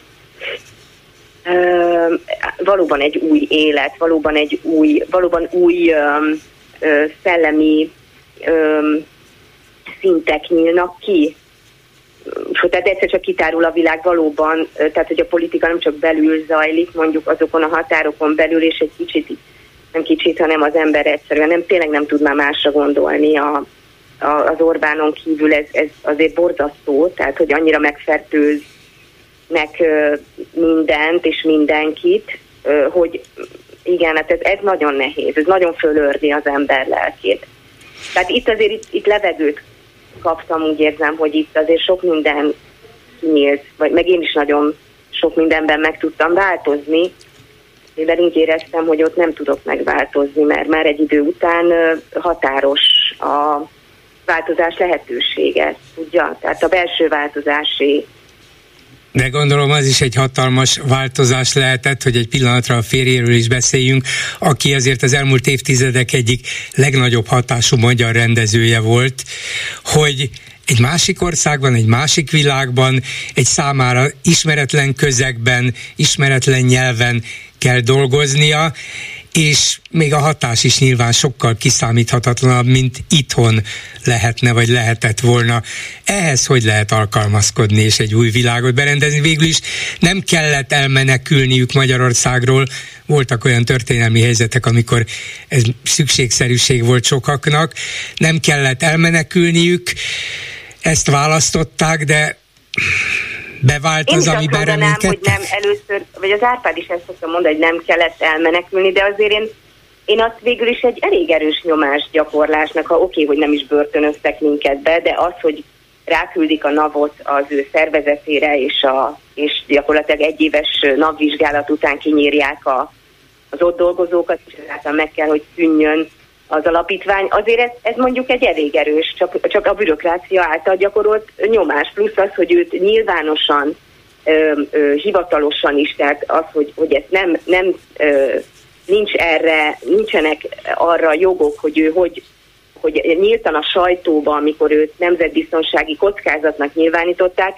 ezek azért, azért egy nyílt felszólítás arra, hogy hát ha őt meglátjátok, akkor nyugodtan a mi, mi részünkről őt nyugodtan lehet akár meg is ütni, vagy mit tudom én. Tehát, hogy azért ez végülis egyfajta veszélyeztetés, tehát csak aljasabb módon, tehát nem direktbe viszik el az embert, hanem ezekkel a, ezzel a fajta hát módszerrel. Verbálisan állandóan ütötték, persze. Igen. Hát őt is, és nyilván nagyon sokakat, és egy folyamatos abúzusban éltünk, ahogy most élnek azok is, akik ott élnek, tehát, tehát igen, egy folyamatos abúzusban, egy folyamatos ö, ö, Hát igen, és fogy, és fogy a levegőt, szívják el a levegőt, és közben mocskos, aljas módon mutogatják a saját, ö, ö, tehát hogy tényleg a leg, leg, leg, leg, bugyog, bugyog az aljasság, bugyog, bugyog tényleg, el tud, virágzik. El, tud, el tudnak képzelni olyan helyzetet, hogy visszajöjjenek Magyarországra? Minek kell ahhoz megváltoznia?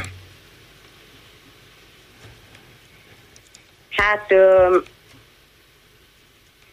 most mondok egy még szomorúbbat, szerintem, ami nekünk igazán ö, még ennél is szomorú, ezen gondolkodtam, hogy, hogy talán az akkori, amikor nagyon kellett volna a szolidaritás, akkor az nem volt, és szerintem nekem ez nagyobb trauma, mint a bármilyen Görény, Orbán és a hozzá hasonló disznók. Na, bocsánat, nem akarom a disznókat megsérteni. Tehát a, mafiózók, vagy, vagy nem tudom, hogy nevezzem őket.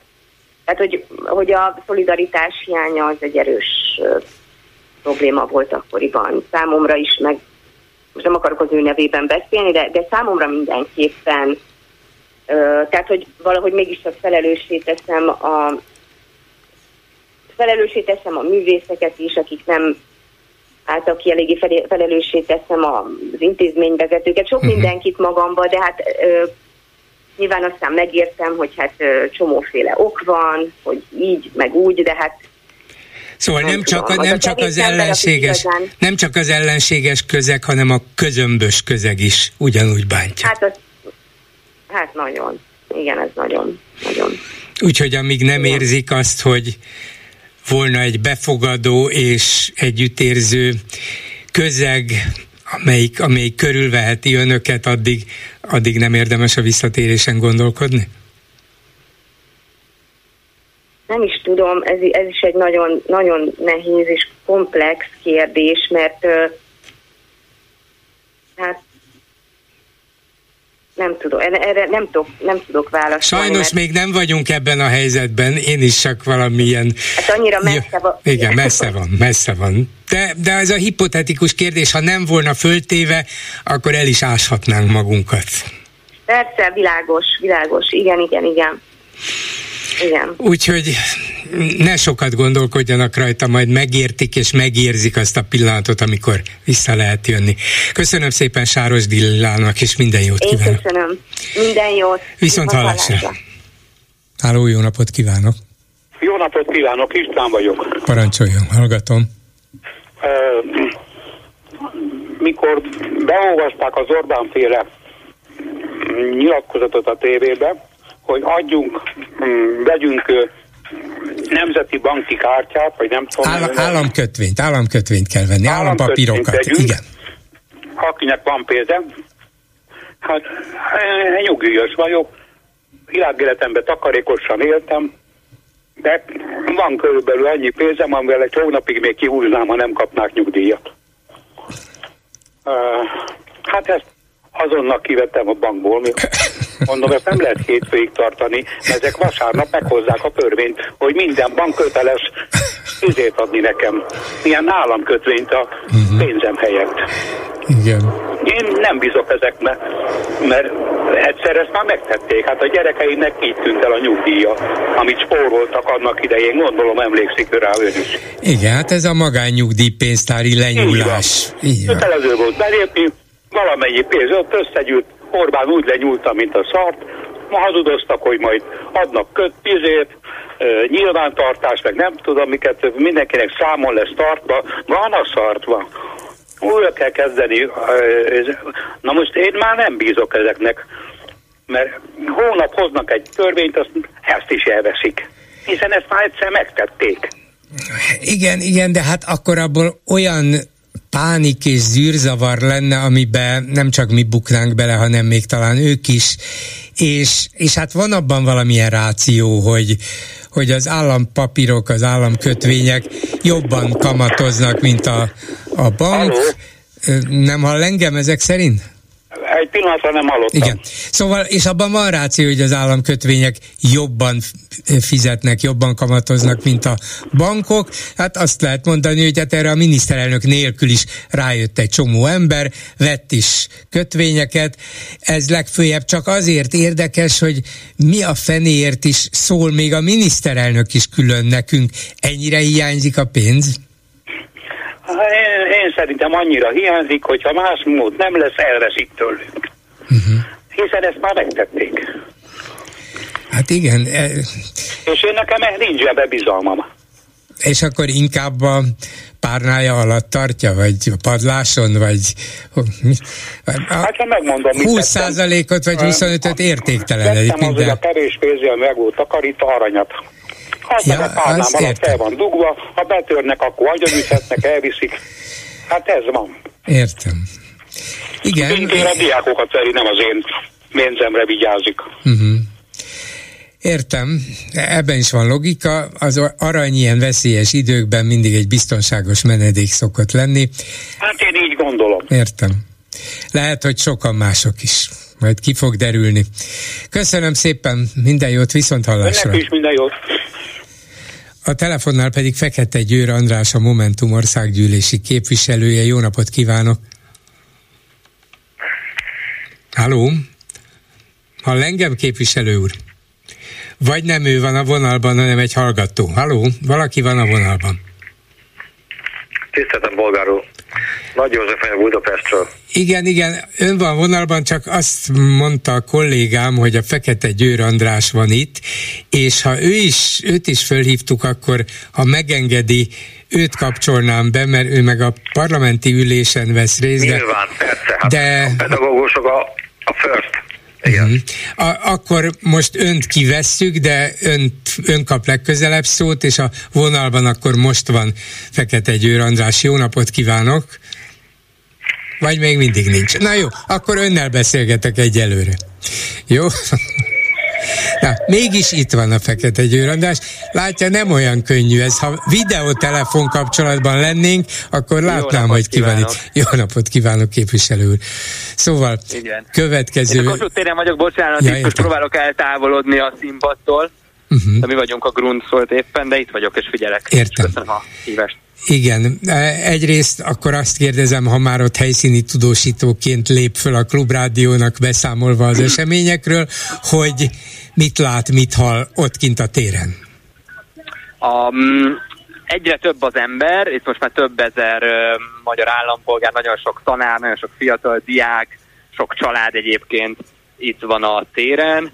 Bent közben ugye folyik a plenáris vitája a, a státusztörvénynek, vagyis a bosszú törvénynek. Ezt itt egyébként közvetítik. Nyilván nem hanggal, hanem hang nélkül, és várják a felszólalókat a színpadra. Uh-huh. Egyébként obstruálni fogjuk majd ezt a törvényvitát teljes ellenzéki fegyverzetben, úgyhogy egész hajnalban, éjszakán átnyúlan ott leszünk, és egész hétvégén megszerveztük a műszakokat, úgyhogy én is majd ma késő este egy két órás műszakot fogok vállalni, úgyhogy túl fogjuk beszélni a fideszeseket, és ezzel is tiltakozunk a bosszú törvény ellen. Meddig lehet elhúzni a törvény elfogadását? Hát valójában akármeddig kitartás kell hozzá, jó szervezés kell hozzá. Én azt tervezem, hogy kirúgott pedagógusok, vagy éppen megalázott pedagógusoknak a nyílt leveleit fogom bevinni a parlamentbe. Uh-huh. Annyi mindent elmondtunk már az oktatásról, most beszélnek a, az emberek, a tanárok, meg a diákok helyettünk. Fel van erre készülve a Fidesz? Esetleg készülnek valami trükkökkel, hogy önöket elhallgattassák, vagy nem tud róla? Hát sok kávéra lesz szükségük, vagy éppen energiaitalra. Ugye őket nem annyira szeretik, ők azt szeretik, amikor a parlamentet rövidre lehet zárni. Mi meg most, még egyszer mondom, egy több napos obstrukcióra készülünk, ilyen, ilyen nagyon-nagyon régen nem volt. Jó, hát akkor harcra fel, de, de nem csoda, hogy önök ilyenek, mert megjelentek a plakátok az utcákon, hogy háború pártiak hatalmas vörös betűkkel, és alul meg az olvasható, hogy a baloldal belesodorna minket a háborúba. Jó, ezt is hallottuk már, de engem az lepett meg, hogy ott van ön is közvetlenül Gyurcsány Ferenc mellett, mint hogyha nem tudtak volna arról, hogy a Momentumnak ön már nem is az elnöke, nem is olyan közelmúltbeli fejleményez, hanem azért már legalább egy jó másfél éves, vagy még annál is több. Hogy, hogy, hogy, hogy jön az új célpont? Lehet, hogy tudnak valami készülő változásról? Hát lehet, hogy Rogán Antalak kéne bolgár úrnak beszélnie, hogy meg tudjuk erre a kérdésre a választ. Um, én is meglepődtem, amikor YouTube reklámokban szembe jött az arcom ebben a hazugság kampányban, de most mondjam azt, hogy ezt nem szoktam meg. Tehát azért az elmúlt fél évtizedben sajnos, nem sajnos elég sok plakáton, lejárató plakáton szerepeltek az arcaink, de Momentumból leginkább az enyém. Um, én nem nagyon foglalkozom hazugságokkal, megmondom őszintén. A ruszkik haza jelszót szoktam ilyenkor a homlokomra írni. Német Zsolt után egyébként szabadon, és, és ezt javaslom a fideszeseknek is megfontolásra. De azért még egy pillanatra itt maradva, hogy miért éppen ön, hát azt vettem ki az elmúlt napok, hetek fideszes propaganda hadjárataiból, hogy Donát Anna az új célpont. Már kinevezték például a baloldali világhálózat itthoni kiszemeltjének is, mintha őt akarnák fölépíteni az ellenzék majdani vezetőjének, de ehhez képest ezek szerint le vannak maradva egy-két brosúrával, megint előszedik Fekete Győr András. Nem tudják, hogy mit csinál a balkéz, amikor jobb kézzel ezeket a plakátokat tervezik. Esik szét a propaganda, látják? Itt az első repedések a rendszer falán megjelentek. Viccet félretéve nincs válaszom erre a, a, a kérdésre. Mm, meg egyszer mondom, hazugság, hazugság kampány, megszoktuk. Megyünk tovább, foglalkozunk mással. De most akkor a dolog érdemi részére áttérve, hogy ez az egyik fő hazugságuk és a támadás fő iránya az ellenzékkel szemben, ez a háborúpártiak, mi pedig Orbán Viktor és hűséges csapata a békepártjánál, hiszen a békével emberek életét lehet megmenteni, hiszen a béke mindenkinek jó, hát tényleg már csak a, a Székesegyházban kellene misét mondania Orbán Viktornak, körülbelül olyan hangnemben és olyan átérzéssel beszél mindenhol, ahol lehet, de de hogyan tud védekezni ez ellen az ellenzék, vagy akár önök a Momentumban, hiszen látható, hogy ez sikeres. Valahogy az emberek elkönyvelték, hogy igen, egy józan ember van, egy józan kormány, és ez a magyar, amelyik minden áron a békét képviseli, miközben ez a sok eh, vért kívánó, háborús pszichózisban szenvedő politikus Európában, Amerikában és itt a magyar baloldalon, önök is baloldaliak, ezek nem nyugszanak, mindenáron vért akarnak látni. Hogy lehet ezzel hatásosan fellépni? Bolgár olyan hatásosan beszélt, hogy már elgondolkoztam, hogy a propaganda minisztérium nem keresi meg önt egy állásajánlattal. Hát van az a, a pénz, tudja, van az a, a pénz. Nem védekezni kell. A, itt most itt állok a nemzet főterén, ugye most már hónapok óta a magyar oktatásról, a magyar nemzet jövőjéről szól. A nyilvánosság egy jelentős része. Ez az, amiben nekünk momentumosoknak, a magyar ellenzéknek van egy világos jövőképünk, mi azt szeretnénk, hogy legyen, aki holnap is tanítani fog a, a, az iskolában, sőt, aki 50 év múlva is lesz.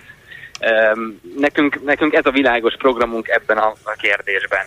Repüljünk Moson Magyaróvára. Moson Magyaróváron a Karolina kórházat leépítik, nem lehet már szülni a kórházban hétvégén.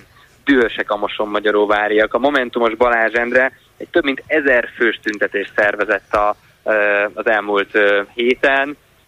Fehér szalagokat osztottak szét, mindent elkapkodtak, és egy, és egy közösség, egy ellenállási közösség jön létre Moson Magyaróváról. Ezek fontos ügyek az emberek életében, ezeket érzékelik, és ezekkel foglalkozunk, és nem védekezünk, ha úgy tetszik. Uh-huh. Pedig van még egy védekezési, vagy egy front, ahol a kormány támadásba lendült, és hát lehet, hogy ki kell sétálni a frontvonalból, nem tudom. Ez a migránsokat szabadítanak ránk az Európai Unióból, Brüsszelből, de mi megvédjük a magyarokat, bezzeg a migránspárti ellenzék. Szóval eh, nem, nem tudom, nincs válaszom arra, hogy mi a háború ellenes és békepárti ellenzék útja, és nem tudom, hogy mi a, a migránsokkal normál, vagy a menekültekkel normálisan bánó, de természetesen nem általános bevándorláspárti ellenzéknek a politikai útja, de nyilvánvaló, hogy be akarják önöket szorítani egy olyan szűk sarokba, hogy még csak mozdulni se tudjanak. A, itt a háborúra hadd reagáljak annyival, hogy Tompos Márton képviselőtársam, aki a Momentum kiváló külpolitikusa, ő, ő Rácz András Oroszország szakértővel járja az országot most már, nem is tudom, hónapok óta.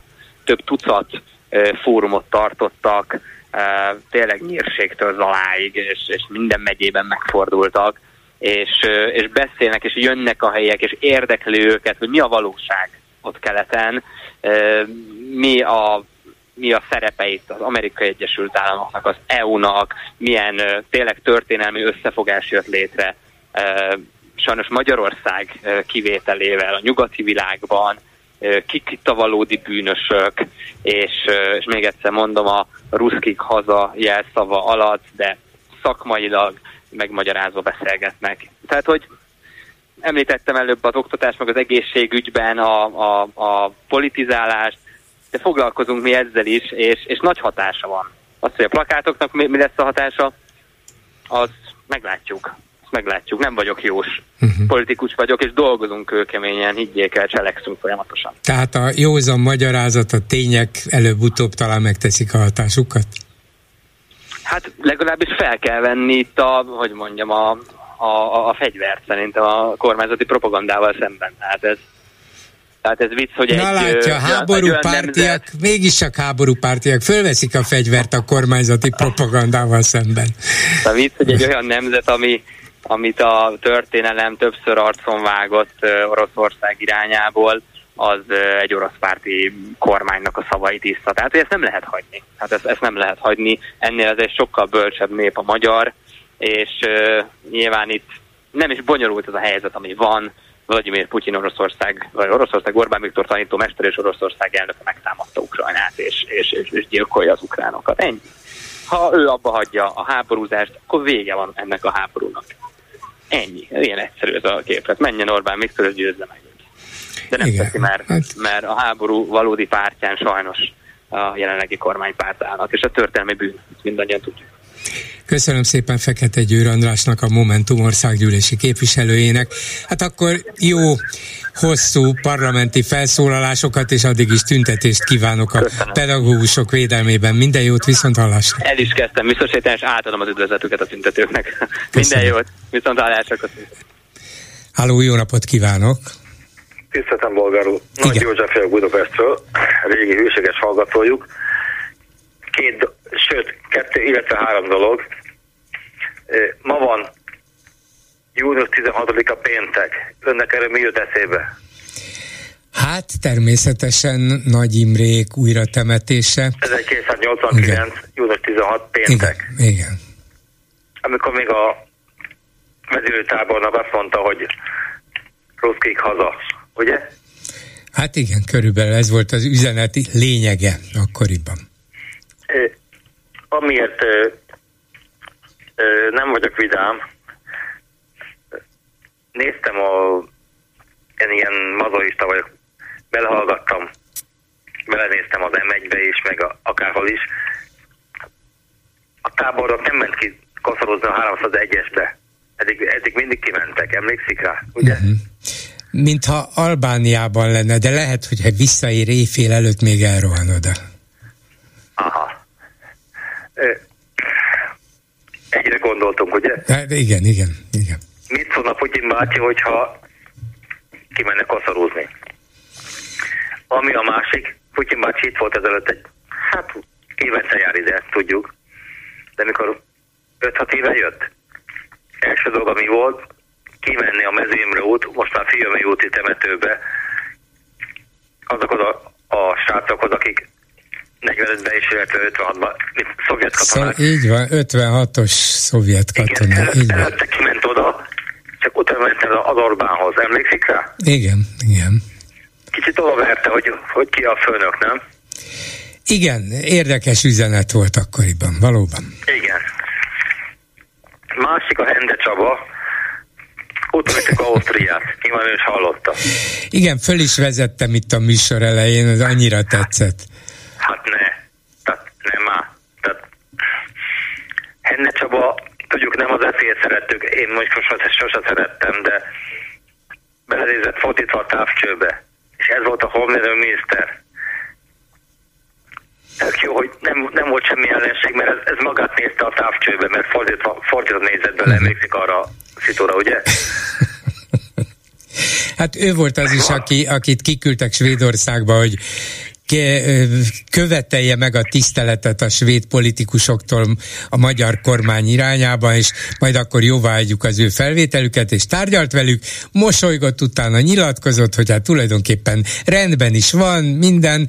Erre kiderül itthon, hogy Orbán mégsem akarta jóvá hagyni, illetve azt mondta, hogy hát a képviselők nincsenek meggyőzve arról, hogy a, a svédek tisztelettel bánnak velünk, és olyan sértéseket vágtak a fejünkhöz. Hát ezek szerint Hende Csaba nem tárgyalt velük, vagy nem jól tárgyalt velük, vagy nem értette, hogy mit üzennek a svédek, de Orbán Viktor megértette, hogy nem tisztelnek bennünket, ezért nincs még mindig jóváhagyva. Hát persze. Hát a Henne Csabának, bocs, hogy ezt mondom, de ismerek egy másik ilyen Fidesz közeli emberkét, azt mondta, hogy a nevét nyilván tudja. Ő okos, okosabb, mint Zuckerberg, ha Igen. tudja, kire gondolok, ugye? Ó, persze, persze. Nem is annyira, nem is annyira Fidesz közeli, Orbán közeli. Orbán közeli, az a lényeg. Igen. Tehát semmi közök semmihez. Tehát Harmadik, a, a pedagógusok istenek. Imádom őket. Menjenek ki, úgy, mint Romániában. Mindig lenéztük a románokat, ott kimentek 200 ezeren, és azt mondják, hogy öcsém, fizetésemelés van. És megvan a fizet- fizetésemelés. Igen, vala, valamiért Imádom ez, imádom őket. ez valamiért nálunk nem megy, nem működik. Annyi, a- az embernek pedig olyan könnyű elképzelései vannak arról, hogy hát ha elegen mennének ki, elegen tiltakoznának, elegen tüntetnének, elegen sztrájkolnának, akkor a kormány nem tudna mit tenni. És ez látszatra így is van, és aztán van ezerféle kifogás, hogy miért nem mennek, miért nem akarnak, miért nem értenek vele egyet, miért félnek, miért közömbösek, miközben mindannyiukat sújtja ez a helyzet. Önnek egy dolgot, nyilván ő is tudja. Egy ö, FKF dolgozó, tehát kukás, valljuk be, 400 ezer forint, középiskolai tanár 30 év tapasztalattal 280. Ez így jó? Biztos? Hát igen. Hát ennyi. De hát a kukások valahogy könnyebben kimennek tiltakozni. Persze, ö, ha nem viszik el a szemetet, az ugye járvány veszély, jönnek a patkányok, stb. stb. Nekik van zsarolási potenciáljuk. Tanároknak sajnos nincsen, de nem De tudom. ha, de ha be lenne zárva az iskola, akkor lenne. Igen. Romániában elmaradt az érettségi idén. Igen. Hát vagy legalábbis el... Igen, igen, igen. Ott azért ők miért tudják, mi miért nem? Mindig lenéztük őket, hogy a hülye, hülye románok. És megcsinálták. Hát igen, é- érdekes különbségek ezek, majd talán valaki, vagy ma, vagy legközelebb egy pedagógus, vagy több elmeséli nekünk, hogy miért van ez így. Talán néha ők maguk sem értik, de ez a helyzet. Köszönöm szépen, viszont hallásra. Legjobbakat vissza. És a Facebook oldalunkon mit írnak a kommentelők, Lőrinc Saba. Szia Gyuri, köszöntöm a hallgatókat. Előbb egy beszélgetés, ami a szerkesztőségben hangzott el. Utolérjük Ausztriát. Mikor? Amikor Románia lehagyja. Ezen túlmenően abban a pillanatban, így az első komment, amit meglátom, hogy Mészáros Lőrinc magánvagyonnal megjelenik állampapírban, én is veszek ezer forintért. Nem, nem, nem aprózza el a, a kommentelő, ez tetszik nekem. Tegnap szó volt a békekölcsönről, de annak az iskolai változata Kréta rendszerben tulajdonképpen elérhető lehetne, mint digitális takarékbélyeg. Nem rosszul, meg tetszik. De tényleg, ezek kreatív megoldások, tök jó. igen. Egy kicsit kevésbé vidám komment is érkezett. Ország átjátszás, az ország átjátszás lassan befejeződik. A fiatalok 14-18 évesek még nem erő, elég erősek. 30-40-esek inkább elmennek, az idősebbek meg írkálnak, vagy a telefonon okoskodnak. Hát ezt nem, nem hinném, hogy teljesen így van, de De jó részt mégiscsak így van, Igen. És már tegnap borongtunk azon, hogy az egyetemi ifjúság nem mozdul meg, mert már ők is kezdenek beállni a sorba, úgy érzik, hogy az ő érvényesülésük, az ő pályakezdésük az fontosabb annál sem, hogy kockáztassák esetleg folyamatos tiltakozással kiállva a középiskolások meg a pedagógusok mellett, valamiért ők sem megmozdíthatók. Úgyhogy valam, valamilyen módon szinte mindenki fogva van. Igen. Teljesen mindegy, hogy hány órát fogadnak el, a pedagógus úgyis annyit fog helyettesíteni, amennyibe beledöglik, fogalmaz a kommentelő, mert a túlórákat nem írhatják be, ugyanis a krétarendszert blokkoltéren lefogták, hogy ne lehessen mindent elszámolni. Na jó, hát ezt majd még változtatni is lehet, ez még csak törvény se kell. Hogy nem, megjelenik Be majd. lehet rosszabb is. Még azt sem jelölik, hogy mennyi túlórája volt. Hát Ja. tök jó, el se kell számolni. Egyébként az előző beszélgetéshez egy gondolatot hozott egy kommentelő. A kép szerint Hende Csaba a távcső kupakját nem vette le, nem fordítva Ja, igen, igen, emlékszem. Így van, nem vette le. Ez, ez érdekes volt. És nagyjából ki is fogytam a kommentekből. Na tessék, tessék kommentelni a Facebookon, és telefonálni a Klubrádiónak. Köszönöm szépen. Egy hallgató a vonalban, jó napot kívánok. Jó napot kívánok, Irmalós Márton vagyok. Hallgatom ön, tessék. A Orbánnak az életútja. Először elmondom, hogy az alma nincs messze a fájától. Ugye Antal József volt a rendszerváltás utáni első miniszterelnök. Igen. Én hibásnak tartom, bűnösnek tartom abban, hogy amikor német Miklós átadta neki az ügynök listát, abban a pillanatban nyilvánosságra kellett volna hozni, de az volt a probléma, hogy az ő csapatában is elég szépen voltak olyanok, akik hátrányos helyzetbe kerültek volna. Ez az egyik. A másik. Merkel asszonynak most durva leszek, de kezét, lábát el kellene törni, amit ezzel a magyar néppel csinált. Hogy hosszú évekig támogatta ezt a sumák, rabló, maffia bandát. Tovább lépve. Fodor Gábor. Tudja, ö, ö, Bolgár úr, hogy Fodor Gábor mikor veszett össze az Orbán Viktorral? 92? De azt nem tudja, hogy miért. Mm, hát a nagy, mm, mondjuk a nagy dolgokról tudok, a konkrét apróságokról nem. Miért? A következő volt. Ugye az Orbán Viktor édesapjának a kőbányája, az a tiszti kaszinó árából lett megoldva. És amikor Fodor Gábor szólt a Viktornak, hogy vissza kellene ezt a pénzt rakni a párt kasztájába, akkor beintett neki. Akkor lett a Fodor Gábor SZDSZ-es. Milyen érdekes? A következő. Számtalanszor hallottam uh, bolgár úr szájából, hogy a Orbán nem náci és nem fasiszta. Igen. Amikor Simicskával összeveszett, Simicska nem csak a házára, hanem a táskájába is vett egy olyan készüléket, ami kijelzi ezt a oroszok által olyan szépen használt akármit, amivel ki lehet nyírni embereket.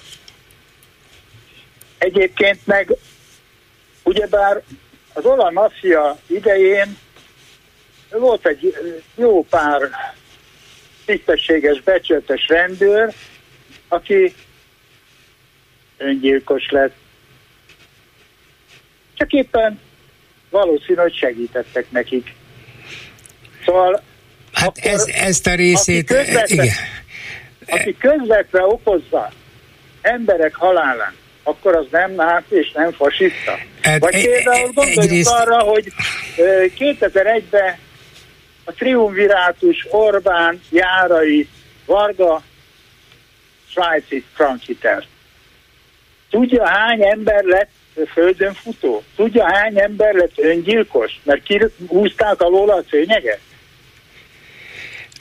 Nézem, ezek, ezek, ezek között vannak olyan dolgok, amikre azt mondja az ember, hogy hát persze a, az ő tevékenységüknek, meg, vagy az ő tevékenységének sok köze van ahhoz, hogy aztán az emberek hogy éltek, vagy, vagy nem éltek, vagy úgy érezték, hogy értelmetlen az élet, vagy kiúzták a lábuk alól a talajt. Igen, és biztos, hogy, de azért biztos, hogy van minden kormány életében, működésében olyan pillanat, olyan esemény, amikor emberek akár tömegeinek is valami nagyon rosszul jön, és, és független attól, hogy éppen a kormánynak milyen volt a szándéka. Szóval nem lehet mindent, azt akarom mondani, Orbán számlájára írni, hogy emberek haltak meg, vagy lettek öngyilkosok, vagy hogy, hogy az olajmafia ügyben éppen ki és hogyan bűnhődött, és segítették-e vagy sem.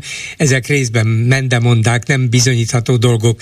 De a náci és fasiszta voltához azért több kell, egy olyan rendszert kell felépíteni, amelyik szisztematikusan megfoszt gyakorlatilag minden jogától, minden ellenfelet, és fizikai erőszakot is alkalmaz. A nácik akár tömeggyilkosságokat, a fasiszták lényegében talán idáig, vagy sokszor nem mentek Lényegében el, vagy nem mindig. Igen. Nem, nem, hát a, még abban is van különbség. Igen. Igen de, de azt se nyírták ki, nem tudjuk pontosan, hogy hogy történt, gyanús volt, voltak gyanús ügyek, de a rendszer nem úgy működik még és remélem nem is fog, mint egy náci rendszer, vagy még egy fasiszta rendszer, sem fasisztoid vonásai vannak, ebben többen egyetértenek, reméljük, hogy nem válik azzá. Egyelőre fenn, fenntartja még a demokratikus kereteket részben formálisan, részben már kiürítve, de még, mégiscsak vannak még ellenzéki pártok, még működhet ellenzéki vagy független média, még lehet másnak is vállalata, cége, nem csak nekik, bár egyre inkább ráteszik a kezüket mindenre. Szóval azt akartam mondani, hogy nem lehet még egyértelműen ezt kimondani, ez egy önkényuralom nagyon veszélyes, nagyon súlyos, nagyon egyoldalú, nagyon embertelen, de ha rögtön rájuk mondjuk a legrosszabbat, akkor mi lesz a jövő évben, vagy tíz év múlva, amikor esetleg a helyzet ennél is súlyosabb? Ezt szeretném ecsetelni. Az én véleményem szerint valamelyik nap olvastam egy lengyel volt tábornoknak a, a a jegyzeteit, hogy egyszerű a megoldás, és szerintem a, a magyaroknak nincs is más választásuk.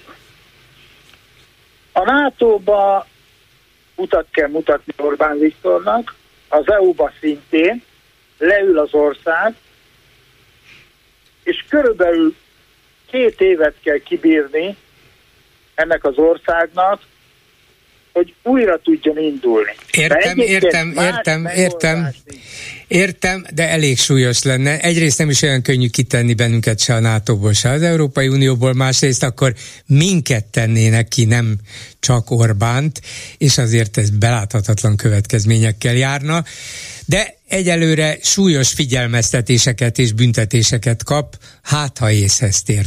Köszönöm szépen, minden jót viszont hallásra ezzel a megbeszéljük mai műsor a véget ért készítésében közreműködött Bencsik Gyula, Lőrinc Csaba, Erdei Tünde, Simon Erika és Csorba László, Bolgár Györgyöt hallották, viszont hallásra a jövő héten. Most pedig jön az Esti Gyors. Esti Gyors, a hírek háttere. Jó estét kívánok, Sámeszi János vagyok, ez itt az Esti Gyors, a szerkesztő Helskovics Eszter. Zolikám, bajok vannak, már megint írt az az újságíró, az a hülye hajú szőke, tudod, aki már a Karmelita előtt is a kordonnál zaklatott téged a múltkor azzal, hogy mennyi pedagógus hiányzik valójában az oktatási rendszerből.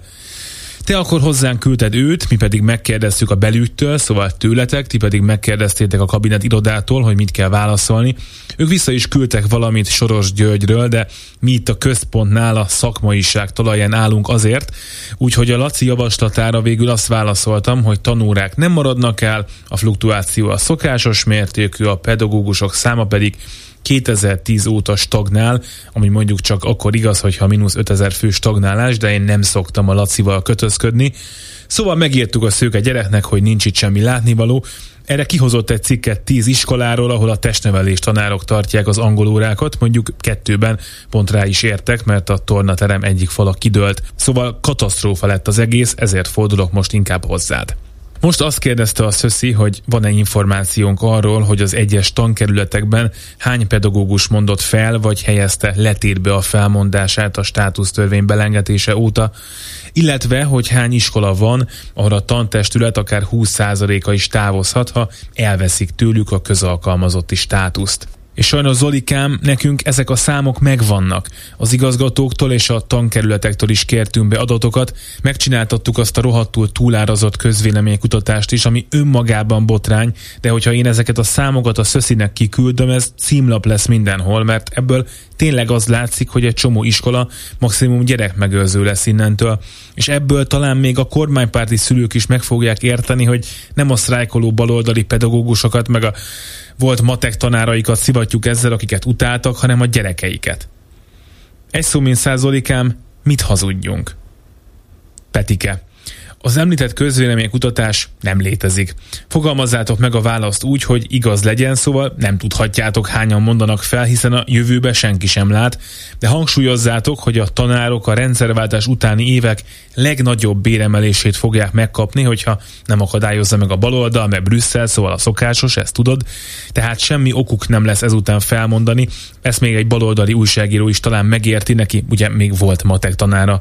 Gyerekekről a válaszban szó se tessék, ha még mindenképpen akartok valamit írni, nézzétek meg, mit javasolt múlkor a kabinet iroda Soros Györgyra. Esti gyors, a hírek háttere.